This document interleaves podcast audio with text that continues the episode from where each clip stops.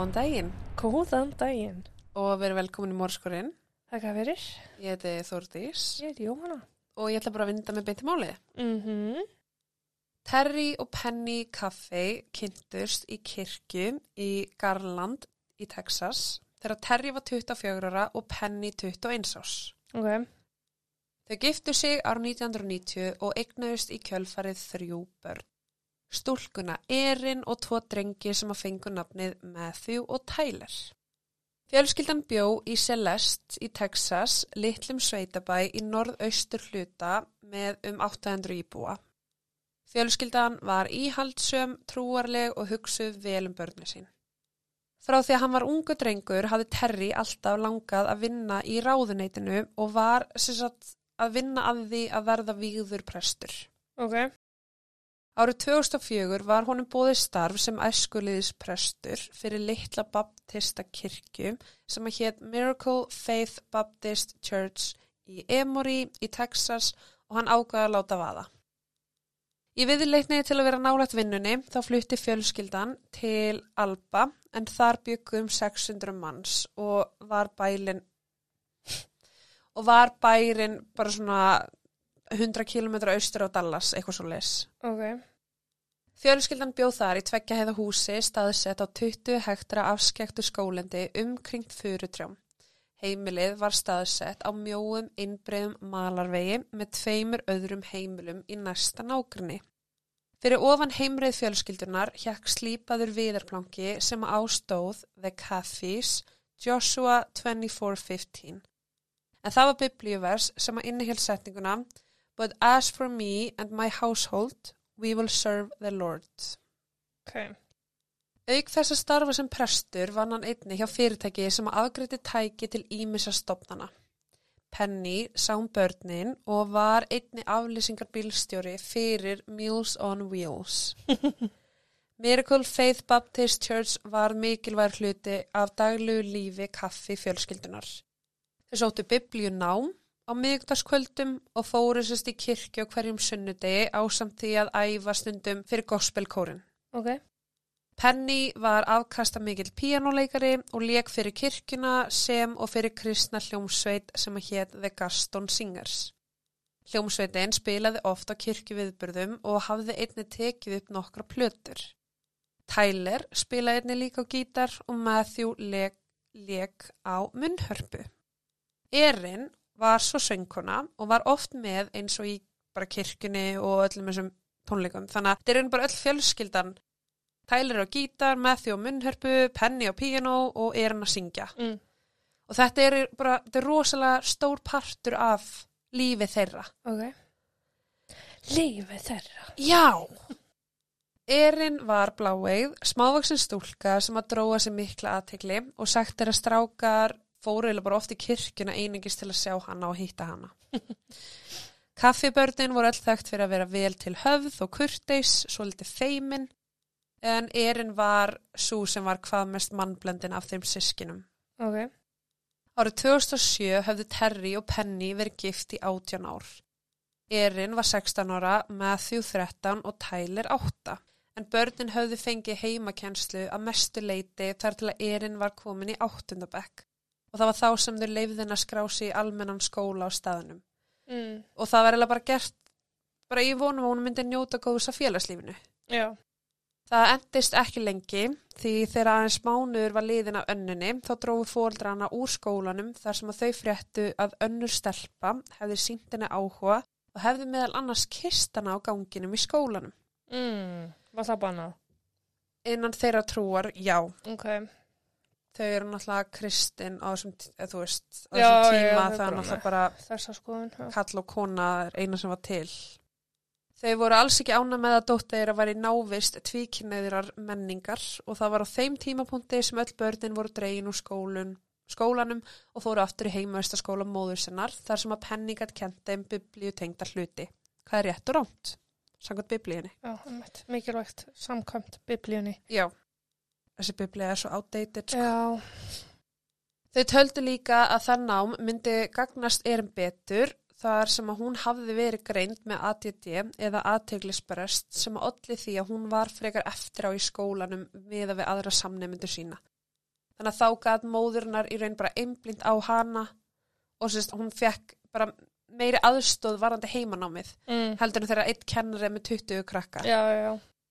Það gerði að verkum að Erin var mjög einangruð frá vinu sinum og líf hennar snýrist að mestu leiti bara um Miracle Faith kirkuna. Í desember sama ár lefði fóldrannar henni að skrá sig aftur sem nýnemi í mentaskóla og Matthew hafði einni fara aftur í skólanum haustið vegna þess að hann vildi bara áfram verið kringu vinu sinna. Mm. Erin var heiminlifandi og elskaði frelsi sem að skólinn bauð upp á og þegar hún var 16 ára gömur þá fekk hún aukurskirtinni. Fóldrannar gáfinni svo gamlan Chevy pallbíl. Það er Það sama sé við pallbíl í öðru hverju bandarísku máli, sko. án gríns. Hún spurði þá hvort hún geti fengið sér vinnu eftir skóla hjá Sonic til að eigna smá pening og Terry og Penny voru bara sammála svo lengi sem hann myndi ekki tröfla skólan. Ok. Erin var vel liðin að vinnufélagum sínum þar en þeir tóku fljótlega eftir því að hún var mjög barnaleg og myndust þess að það var eins og hún væri bara raun að upplifa heiminn í fyrsta skipti Sem hún í raun var. sem hún var að gera. E, Það voru margir strákar sem að báðu um símanúmer hennar í vinnunni og hún vissi bara ekkert hvernig hann hætti að breðast við en það var þetta bara allt nýtt fyrir henni. Já. Hún hafði aldrei fengið þessi aðtegli áður. Skemmtilegur persónuleiki Erin vakti aðtegli 18 ára Charlie Wilkinson. Hann hafði gaman að því að veiða, uh, vera fjörhjóli og bara talaði um að honum langaði að fara í herin. Já. Draumar hans voru í raun bara yfirgefa þennan litla bæ og ferðast til útlanda en hann bjó í sveitinni með föður sinum, stjúpmóður og þremur sískinum. Fadir hans vann í verksmiðju rétt fyrir utan Dallas og líffræðileg móðir hans bjó í um 7,5 tíma fjarlæðar og sáu þau hvort annað um tvisar sinum ári. Ok. Hann var heitlandi náungi sem var einnig þekktur fyrir að vera mjög skapstór en þrátt fyrir það þá var hann ekki með neitt sakaferil eða það var engin hegðunumvandamál eða neitt svoleiðis Mm. í kringum hann.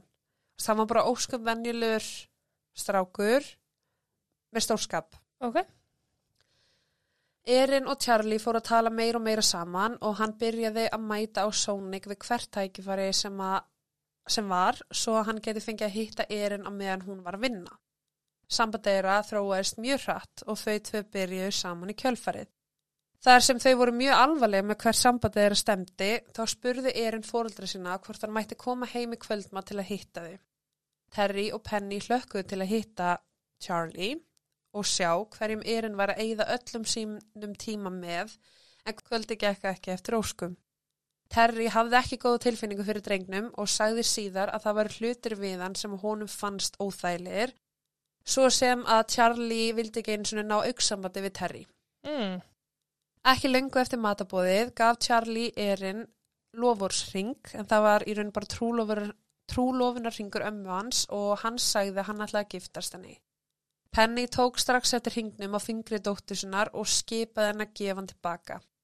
Terry dró Charlie meira að segja til hliðar á einhverjum köruboltaleiki í kirkjunni og sagði honum bara að ringurinn hefði verið mjög óveðandi. Það var fóldrum hennar ljóst að þau þyrtu að takmarka tíman sem ólingandir eittu saman. Þau gáttu aðeins hitt hvort annað einu sinni í viku og á heimilni kaffifjölskyldunar undir þeirra eftirliti. Hvað bara sitjandi með þeim eða? Já, eru glæða, bókstallega oh sko. god, ok. Terry leifði þeim að fara út að borða sjálf, öðru kvoru, en Erin þurfti að vera komin heim klukkan 21.30. Hennar var einnig bannað að nota síma sinn eftir klukkan 22 á virkudum og 23 um helgar. Það náttúrulega bara kom Erin í mjög mikið uppnáðum og hún saði frængusenni frá því að hún ætlaði sér aldeilis að flytja í burtu þegar hún yrði 17 ára gömul. Það var stuttu eftir jól þegar Erin og Charlie voru heima hjá vinum þeirra þar sem að þau gáttu verið eini friði og stunduðu kynlíf í fyrsta skipti. Eftir því sem að leið á sambandi fóru fóaldrennar að taka eftir breytingum á hegðun hennar. Hún var alveg mjög skapstór, fór að sína móður sinni óvirðingu og hætti í raun bara að hugsa um útliti sitt, svo sem almennan þryfnað. Ó, Já. Hætti að fara í styrtu, þú veist, hætti bara svona að sinna sjálfur sér. ok. Erin hafði hringt í föður sinn einu sinni til að segja honum frá því að þær maðgur höfðu rifist og að Penny hafi löðrungað hana. Ok. Í byrjun februar stóð Penny Erin að verki þegar hún var að nota síma sinn eftir leifilegan tíma og í kjölfari tók hún af henni bíleiklana og farsíman sem bara refsingu. Næstu vikur var Erin keirð af fóldu sínum í skólan og Charlie fekk ekki að koma í heimsókn í eitthvað tíma. Býtu, ok, þannig að er henni hvað, bara eitthvað svipum allir og við? Hún er 16. Nei, já, ég meina fætt svipa lit og við. Já. Já. Það var greinilega mikill æsingur inn á kaffiheimilinu og meðlimir kirkjunar tóku jafnvel eftir því hvað Penny var bara uppgifin. Hún hafði neitað að fara á kirkjuheimilið í kvennahýting þar sem hún sagði að hún þyrfti að eða meiri tíma með fjölskyldinu sinni og það var bara eitthvað, ef hún mætir ekki á hana kvennahýting, Það var að... eitthvað mikið að. Og sérstaklega hún sé að sérst, sleppa því að mæta þetta að því hún þarf eða tíma með fjölskyldinu sinni. Það var bara allt í gangi. Þetta er bara eitthvað krísa í þeirra augum. Já. Já. Í februar ára 2008 fór Terry að heimsækja föðu sinn og komst að því að hann hafði látist af náttúrulegum orsökum. Þrátt fyrir að engina kaffi hjónunum hafi verið nálagt föður Terry, að þau hefur verið náinn, að þá var haldin jarðaför til heiðurs hans í kirkjunni þeirra, þar sem að Terry og Matthew spiluðu á munnhörpu, Penny á piano og Erin söng. Eiginkona pressins var í vandræðu með framistöðu Erin þennan daginn, söngur hennar var yfirleitt mjög hress og fullur af lífi, en á meðan þessu stóð virtist hún mjög áhugalaus. Eftir jarðaföruna voru kaffi hjónin enn að kljást við margar áskoranir þegar koma dóttu þeirra. Þegar Erin fór að ganga illa í skólanum ákvað Penny að fara á bókasafnið eftir tillögur sýstu sinnar og nota internetið til að skoða MySpace aðgang Charlie. Mm. Hún fann hann og var nexluð að sjá að MySpaceið hans samanstóð af aðtóasemdum um kynlíf og áfengi. Kanski ekki mikið mál fyrir suma en þessi hegðun stríti náttúrulega gegn trú, Terry og Penny þannig að það var ekkert tilvæli fyrir þau að uppgöta þessa hluti hjá okkur sem var að deyta dóttu þeirra Nei. að því þú veist kynlíf fyrir og... eða fyrir hjónaband er ekki lægi þú veist, allir þessi hlutir þau voru bara mjög trúið Öl er böl. Og böl er góð. fyrir suma um hádegi þann sama dag rættu Terry og Penny við Erin og sögðu henni að þau hefðu ekki alið hana svona upp og að Charlie væri bara ekki góðu fyrir hana þau, hvað?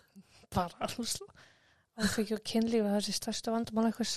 Já, það er alveg sæðilegt sko, ef það hefði ekki verið áfengi og kynlíf innifalið þá væri spöttpátt ekki til Nákvæmlega. Þau kröðust þess að hún myndi enda sambandið og það strax. Það sem kom þeim á óvart var að Erin var bara sammálegi. Hún viðkendi að hún hefði viljað slíta hlutunum með honum í eitthvað tíma, var ekki viss hvernig, en núna var hún komið ástæðu. Bara fóðaldra mínu vil ekki sé með þér. Jável þó að fóðaldrum hennar hafi fundist hún vera góð eftir sambandslitin, þá var hún það bara alls ekki. Veist, Hún var bara reið og hún var bara gangi gegnum eitthvað Mm. tímabil. Hún byrjaði kjölfara að tala við vini sinni í skólanum um að hún vildi drepa fóreldra sína. Hérna kom það. Erin og vinir hennar útbyggu áætlun. Charlie stakk upp á því að þau tvö myndu bara láta sig hverfa saman. Skilja fóreldrarna eftir alla og bara byrja eitthvað líf eitthvað annar staðar. Það líst betur á það. Já, en Erin var ekkert hrifna þeirri hugmynd og krafðist þess að fóreldrannar yrðu myrtir í staðinn. Þann 1. mars aðeins þremur dögum eftir að fóreldrar Erin rættu þetta við hana og heldu að allt væri að fara í eðlilegar horfur var Terry komin heim seint um miðnætti eftir 14 tíma vakt. Hann hitaði upp kvöldmati sinn, borðaði smá af honum og fór að sofa. Ok. Þar sem að hann var örugur með aðstæðu dóttur sinnar þá sagði hann við Penny að allt myndi verið góður lægi og fór svo að sofa. Það leiði ekki löngu þar til Terry var vakin á miðnætti við hljóðið af gelti í hundunum þeirra. Max, svarti labradorinn, var að gera fjölskyldinni viðvart um eitthvað.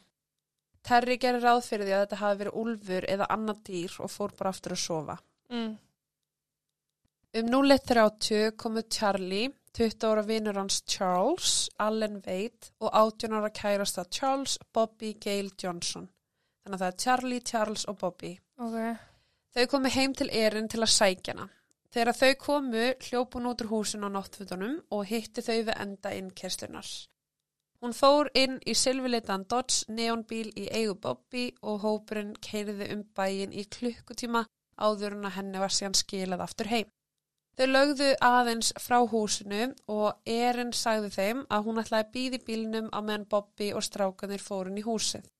Áður en að Charlie kom inn þá sagðan Erin að hann ætti ekkit val heldur hann að drepa tvo bræðurnar svo að það myndi ekki vera neinn vitni til staðar og hún svaraði mér alveg sama gerðu bara sem að þú þart að gera. Strákanir fóru inn um útidyrnar sem Erin hafði skilið eftir opnar fyrir þá og voru þeir vopnaðir 22 kalibra skambisu á samt svona samuræ sverði. Ah, Emmett. Já. Þeir lögðu leiðsina í söfnherbyggi Terry og Penny, opnuðu hurðina og byrjuðu að skjóta. Charlie skauði tveimur eða fleiri skotum að Penny en það draf hann ekki. Hljóðið af byssuskotunum var mjög hávært og lyktinn af byssupúri fylgdi herbyggið. Byssan festist síðan og Charlie rétti Charles aðra byssu og skaut hann fleiri skotum á Terry. Terry reyndi strax að kasta handlegnum yfir Penny til að verja hana og tók skot í andlitið og aukslina sem að þeitt honum fram úr rúminu og gerðan meðvitundar lausan. Shit. Charles greif síðar eitt af samuræ sverðunum og stakk Penny í hálsin og nánast afhauðsað hana. Blóð lag út um munn, nef, augu og eyru Terry og Charlie fór enn einu sinni að honum og skaut hann þrísva sinnum í baki til viðbútar til að vera handvið sem hann væri látin. Þrátt fyrir það var Terry enn á lífi. Oh my god. Hann gati ekki hreift hægri hlið líkamanns og gati ekki talað. Hann þurfti bara að liggja við hliði penjar, hreyfingalös og ófær um að gera eitthvað á meðan hann horfði á konuna sína deyja. Matthew og Tyler höfðu heyrt lætin sem voru í gangi og komið niður en Charlie sagði þeim að fara aftur upp í herbyggi sín. Þeir gerðu það og földu sig í herbygginu hennar erinn. Eftir að krakkandir höfðu lokið sig við Terry og Penny þá fóru þeir upp að leita strákunum. Þeir mættu 13 ára Matthew sem að öskraði nei Charlie, nei, af hverju staðu þessu og sama tímapunkti skaut Charles hann í andlitið. Átta ára gamli Tyler hafði farið inn í skápa fela sig og skiptust þeir félagar á að nota sverðið á hann og lokum stungandi bana. Og ég bara stað. Á meðan ráðist var á drengina var Terry að detta inn og út úr meðvitund. Eftir að hafa ráðist á fjölskylduna þá gengu drenginni tveir um húsið í leita verðmætum þar sem Charlie hafði lofað Charles 2000 dollarum fyrir að aðstóða hann við árusuna. Þeir tóku lítinn kassa með reyðufið úr þvóttahúsinu og gáttu opna hann þar sem Erin hafði sagt þeim kóðan. Þeir tóku skartskripi úr sepnherbyggi fóreldrannar á samt veskinuna Penny sem að innihjalt 275 dollara. Þeir tóku einni farangur sem að, en í honum voru föt og persónlegi munir sem að Erin hafði sjálf pakka niður í teilumni dagsins. Eftir að þeir höfðu lokið við að taka all verðmæti til hliðar, þá heldu þeir kveikir að vökva á húsgögnin og kveiktu í rúmteppum, þvotti, matvælum og húsgögnum í húsinu með kveikira. Ok. Charles kallaði á stúlkunar að keira nær húsinu og býða eftir þeim þar. Þeir hlupu síðan út um útidirnar og inn í bíl til stelpnana. Hópurinn keiriði um í smá stund og Erin og Charlie fóru síðan heim til vina síns þar sem að þau stundu kynlíf árun að þau fóru að sofa. Þegar strákunir höfðu farið úr húsinu, Mm. þá náði Terry meðvitund. Hann reyndi að lifta sér upp en fann ekki fyrir hægri hlið líkamanns, eins og ég segði á hann. Já. Eldurinn fór að breyðast út um allt húsið og hann hugsaði strax til barna sinna. Hann aðtöða með penni sem var nú þegar látin. Hann vissi að hann kæmist ekki upp vegna þess að logarnir ítt honum aftur niður svo hann náði að skrýða út um baðherbergisgluggan og skreið með miklum sásöka 300 metra að húsi nágrana sinna Tommy og Helen Gaston þar sem að Tommy hringdi strax á neðlínuna. Það tók Terry um klukkutíma að skrýða frá baðherbergisglugganum að nágrana húsinu og tvær klukkustundir voru liðnar frá því að árásinn hófst. Já. Þegar Tommy var spurður í neðlinu samtalenu hvaðan Terry var að blæða þá sagði hann hvað, hvaðan blæðir honum ekki. Já. Það er raun kraftaverk hann skulle vera hér. Hann var skotin, ég veit ekki hvað oft, allan að þrísvar í bakið, einu sinni handlegin, Andlitið, andlitið, jú, veist, þetta er bara, þetta var ekki verið hægt, sko. Þegar sjúkrabílinn kom á húsi Tommy, lá Terry inni, klættur stuttarmaból, náttbuksum, engum skóm og var í einum blöytum sokk. Hann hafi verið skotin alls fimm sinnum. Andlit hans og efri parti líkamanns voru þakin blóði.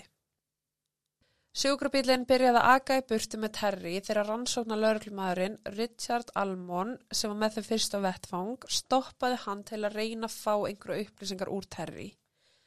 Terry sagði að hann væri vissum að hann mun ekki lifið af. Richard spurði nokkra spurningar í örvendingu og Terry sagði að lokum að Charlie Wilkinson, kærasti dóttir sinnar, hefði verið árásamadurinn og að hann og einhverna hans hefði nýlega sagt erinn að hætta hittan. Terry var síðan fluttur á sjúkrahús þar sem að hann undirgegst bráðaðgerð og fjóra kúlur voru fjarlæðar úr líkamanns. Yfirvöld gátt ekki ákvarða dánarorsök enginn að tveggja þar sem að þau voru svo alvarlega brend. Richard deildi því sem að Terry hafði sagt honum með sérst Kurt Fischer yfirlörglu þjóni. Mm. Að því að strákundurars Kurt voru í raun vinir Charlie og höfðu margótt farið á veiðar og bara á fjörhjól með honum og í raun var Kurt nýbúin að koma auga á bíl Charlie sem að lagður var fyrir utan heimili Matthew Veit, eldri bróður Charles. Mm. Hann vissi að þeir félagar myndi oft hanga saman þar og drekka þar. Um þremur tímum síðar fóru Kurt og annar aðstofamaður hans að heimili Matthew. Öll ljós voru slögt og þeir ákveða banka dyrnar. Óþektur úlingur kom til dyra og sagðist ekki vera vissum hvort Charlie hafi eitt nóttunni þar eða ekki en ákveða að hleypa þeim inn. Inni fundu þeir Charles og Bonnie í einu svefnherberginu og Charlie í öðru. Skambisa lág á gólfinu við hliðin ánum og lögreglumenninir höfðu einnig komið auga á stigvél og skirtu sem að voru út ötu í blóði. Charlie var tekinn til yfirherslu og þegar hann var spurður hvort hann væri viðriðin morðin á kaffifjörskildinni þá neita hann. Hann sagði að hann hafi orðið verulega fullur um kvöldið og dó áfengistöða. Mm. Eftir að hafa fengið húslitar heimild fór lögreglan aftur að heimilinu og fundu felulita tösku með aukuskirtinni sem að tilheyrði erinn. Einni voru notu hilki á víð og dreif um teppið og við hlið dínunar var kassi af skotfærum. Þegar lauruglumennir heldu áfram að leita í gegnum herbyggið þar sem að Charlie hafði verið, liftu þeir upp teppi og sér til undrunar var lítil ljósar stúlka sem að sat með bakið upp að vegg í fóstustellingu. Sú stúlka var Erin Kaffi og hún var klætt í náttföld og virtist verið í áfalli. Ok. Það var innan við sólarring eftir að ringt væri neðalínuna sem að Charlie, Charles, Bobby og Erin voru tekin í gestverald. Charlie, Charles og Bobby byrjuðu öll að segja sína útgáfa á sögunni. Charles sagði lauruglunni að Charlie hefði lofað honum 2000 dollurum fyrir að hjálpa til við morðin. Öll þrjú sögðu lauruglunni sömu sögum að þetta hafi verið planað af Erin. Þeir sögðu lauruglunni að Erin hefði verið reið vegna þess að fóldrannar voru að reyna að koma í veg fyrir það að hún fengi að hitta Charlie og Charlie sagðist að var stungi upp á því að þau tvö myndi bara fara eitthvað burt en Erin vildi það ekki. Hún sagði að hún vildi fóldra sinna feiga fyrir þá ákvöruna bannin að vera með Charlie og fyrir að hafa tekið af henni síman. Þau fjögur hafi því átt í viðræðum um hvernig væri best að drepa fjölskylduna í um það bil mánuð áður en að morðin átt sér stað. Já, sæll. Hann sagði að þau hefði fyrst reynt að komast að heimili kaffi fjölskyldunar síðasta föstudag með því að leggja í götunni en þegar drenginni gengi á húsinu þá byrjaði hundur þeirra að gelta svo mikið að þeir ákveða yfirgefa áallin sína og fóru burtu. Erin ringdi í þá og sagði þeim að koma aftur klukkutíma síðar því að hún ætlaði að þakka niður í hundunum en það varði ekkit úr því. Þegar Charles rifjaði upp útgáfu sína atbyrðum var saga hans eins og saga Charlie en hann bætti við auka upplýsingum. Hann sagði að þegar að hópurinn var að yfirgefa húsið eftir að hafa kveikt í því þá hafi Erin hrópað Holy shit, that was awesome. Ó, sæll. Í millitíðinni og meðan þau þrjú voru í yfirheyslu lauruglu var Erin flutt með sjúkrabíl á Hopkins County Memorial Hospital og fór í læknismat og rannsóknir. Hún var einni fenginu viðtal í áverkaherbyggi spítalans af lauruglustjóra sem á þeim tíma taldan að vera fórdalamb, Mm. að henni hafi sérst verið rænt. Erin virtist ráðalaus og sagði lauruglumennunum ítrekkað að hún var í 14 ára gömul. Hún myndist þess að hafa vaknað í húsi fullt af reik og að það hefði verið tveir strákar með sverð, klættir svörtu sem að skipu henn að fara niður á gólf. Hún myndi ekki hvernig hún komst á heimili sem hún fannst á en myndi eftir að hafa reynd að ringi Charlie vinsinn en hann svaraði ekki. Hún sagði svo frá því að hún hefði drukkið eitthvað sull sem að henni hefði verið bóðið og eftir það myndi hún ekki neitt. Hún grét mikið í upphæði viðtalsins en síndi ekki miklar tilfinningar fyrir utan það. Rannsakarnur tóku síðan eftir því að Erin lyktaði ekki eins og reykur þegar hún var tekin að heimilin á spítalan. Mm. Lauruklumenn veitt henni smá næði þegar ammennar kom til að segja henni að faðurinnar Terry hefði lifað árusina af. Mm. Afi... mm. Afi og amma Erin hjálpuðu síðan við að keira hann á annars sjúkrahús í fyllt lauruglu. Þar fenguður skyndilega símtal þar sem að þeim var skipað að handtaka Erin en hún var nú bendluð við morðin á sinni eigin fjölskyldu. Þeir stoppuðu bíl ömmu og afinnar og sögðust þurfa að taka hana niður á stöð og ammunar var eiginlega bara mjög hysterísk greip í andlit á Erin og sagði bara átti þú eitthvað þátt í þessu Mm. og Erin var bara hágrátandi og sagði bara nei. Terry var úskrifaður af sjúkrahúsinu nokkru dögum eftir árásina á samt fimm skotsárum sem hann hlaut þá nefnbrotnaði hann. Hann fekk tvö kinnbeinsbrot og minni háttar taugaskemd í hægri handlegg. Hann fór síðan beint þangað sem að Erin var í haldi til að tala við hana. Hann gat líka sest niður með dóttur sinni, strákunum tveimur og Bobby. Og hann sagði að eini sem að yðraðist verknaðin var Charlie. En Charlie hafi sérst grátið stanslöst að meðan Terry talaði við hann. Já, En Charles og Bobby, þeirra tilfinningar voru bara prump. eins og þeir sjálfur. Já, þau sjálf, Bobby að gæla. Ó, já, já, já, já, ég vissi það alveg, já, já, Já. Þegar Terry talaði við dóttur sína þá fór Erin að gráta og sagði honum að hún hefði ekkert að fela. Hún ætlaði að segja honum allt sem hann vildi vita. Hún sagði honum að hún vissi hvað var í vændum en reyndi að flýja um nóttina en þau hafi neitt hana til þess að býði bílnum á meðan að fjölskyldanar væri drepin. Hún hjælti fram að þetta hefði verið hugmyndinast Charlie en hann væri að reyna að kenna henni um þetta. Terry gat bara ekki trúa því að dóttir sín hefði framið hennar hræðilega verknað. Í janúar árið 2008 voru táningarnir fjórir handteknir ofinberlega og ákærð fyrir þrjú mandráp og eina tilröndi mandráps. Penny, strákunni tveir og tilrönd er Terry. Mm. Rannsakandur töluði einnig við fyrrandi kærasta Erin sem að hétt Michael Washburn sem hún hafði kynst í Miracle Faith en hann held í fram að Erin hafi sagt um að hún vildi fjölskyldinu sína feiga. Já, Það var samtal sem átti sér stað áður en hún kynntist Charlie. Þrátt fyrir að Charlie og Charles höfðu verið að drekka um nóttina þá fundust engin eitulif í kerfinu þeirra. Erin hafði upprænlega sagt að rannsakatum að hún myndi eftir reik en það var engin ummerki um einhverja reik innöndun já, já. hjá henni. Hún var skimuð fyrir ró, róhypnól, Mhm. uh, GHB og öðrum livjum sem að geta olli minnistapi en þau komu öll neikvað tilbaka. Já, Þá voru einni skoðaðar símaskrár fjórmenningana, það er staðfyrsti sögu þeirra og stutti í raun kenningunum að Erin hafði skipulagt þetta sjálf. En frá 23.46 til 00.48 um nóttina ringdi Erin sexinum í Charlie frá heimilinu sinu og frá 01.22 til 01.58 ringdi hún í hann sjösunum í viðbútt. vá.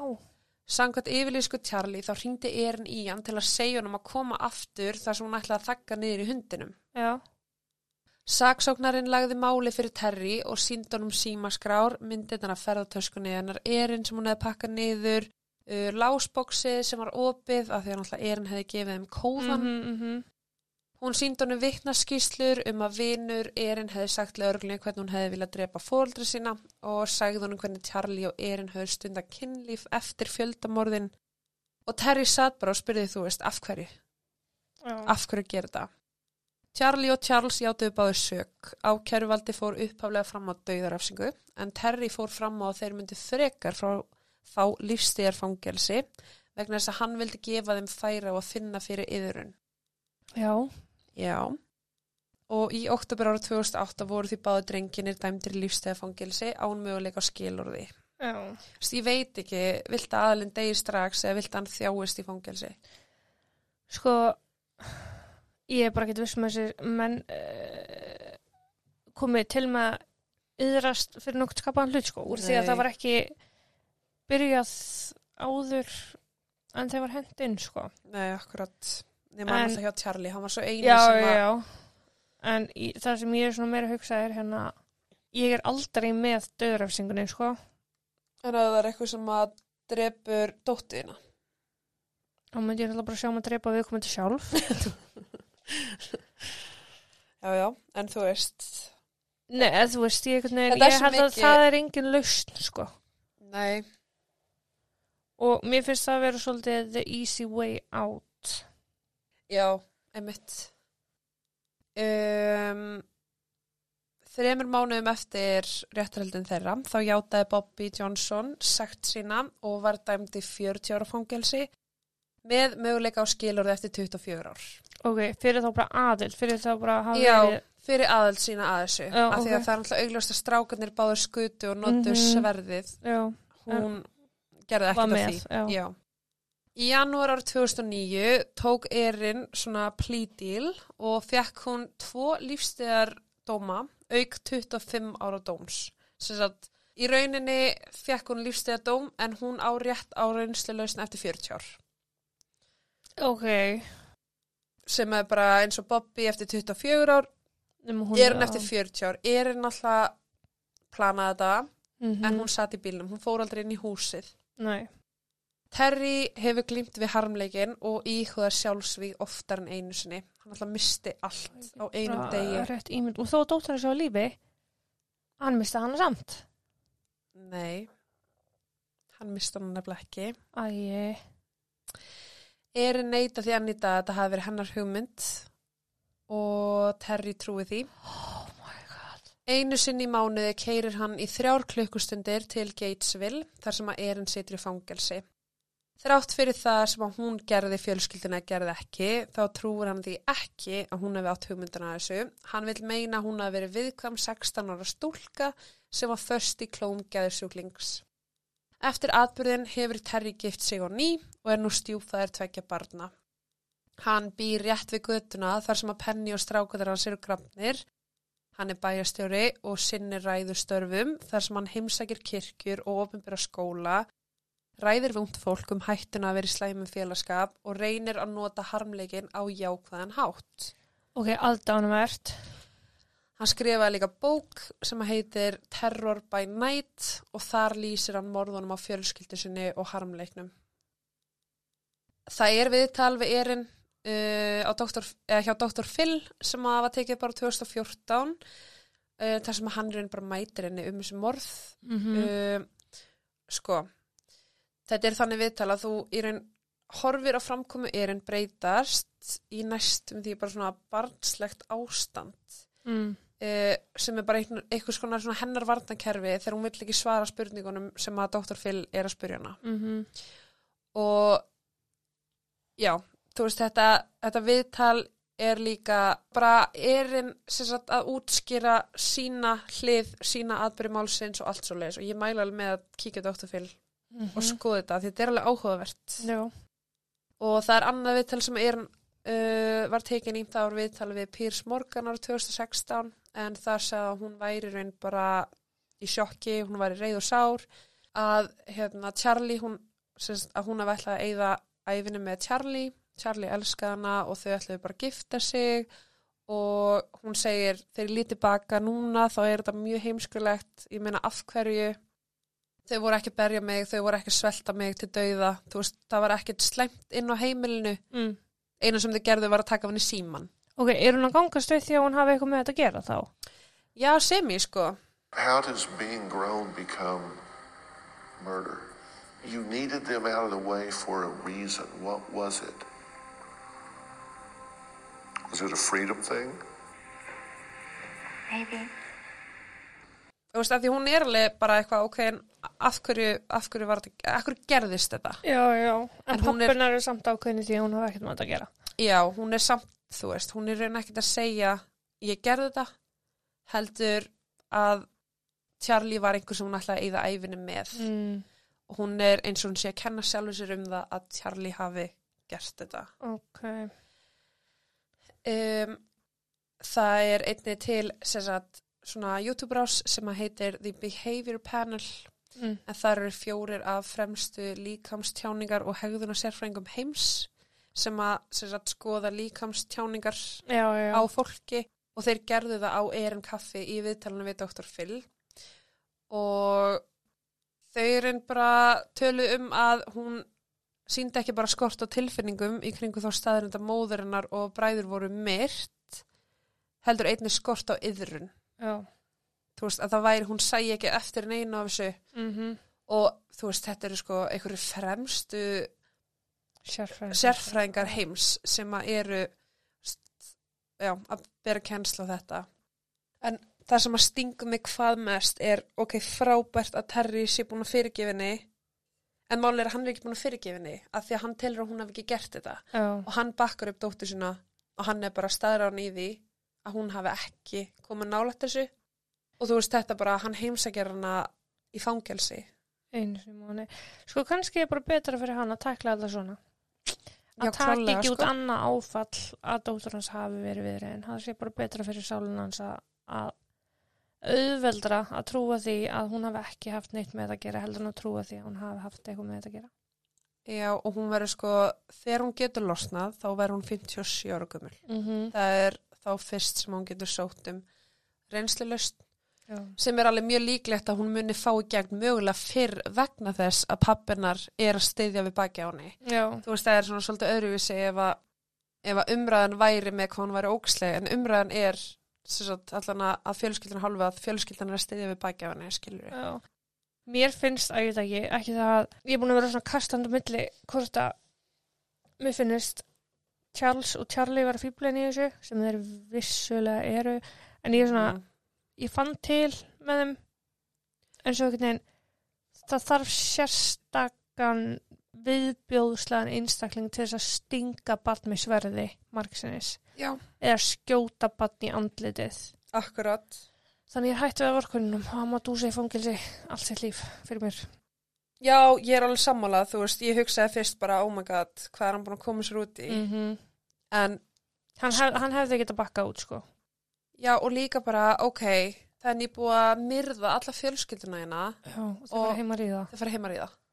Þú veist, maður er bara eitthvað, þú ert ekki eins og smá, þú veist, hvernig er þannig upp vinnur emitt. eftir það sem Já, ég allavega, mér finnst þetta að vera, wow, nákvæmlega það sem hún sagðir, að það er ekki þetta vorkir honum þegar hann notar sama samuræ sverð mm -mm.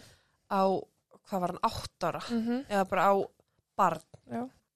Er, sem að faldi sig inn í skáp já, þeir, þeir vissu vel hversu hrættur hann væri mm Þetta er bara ógeðslegt, sko.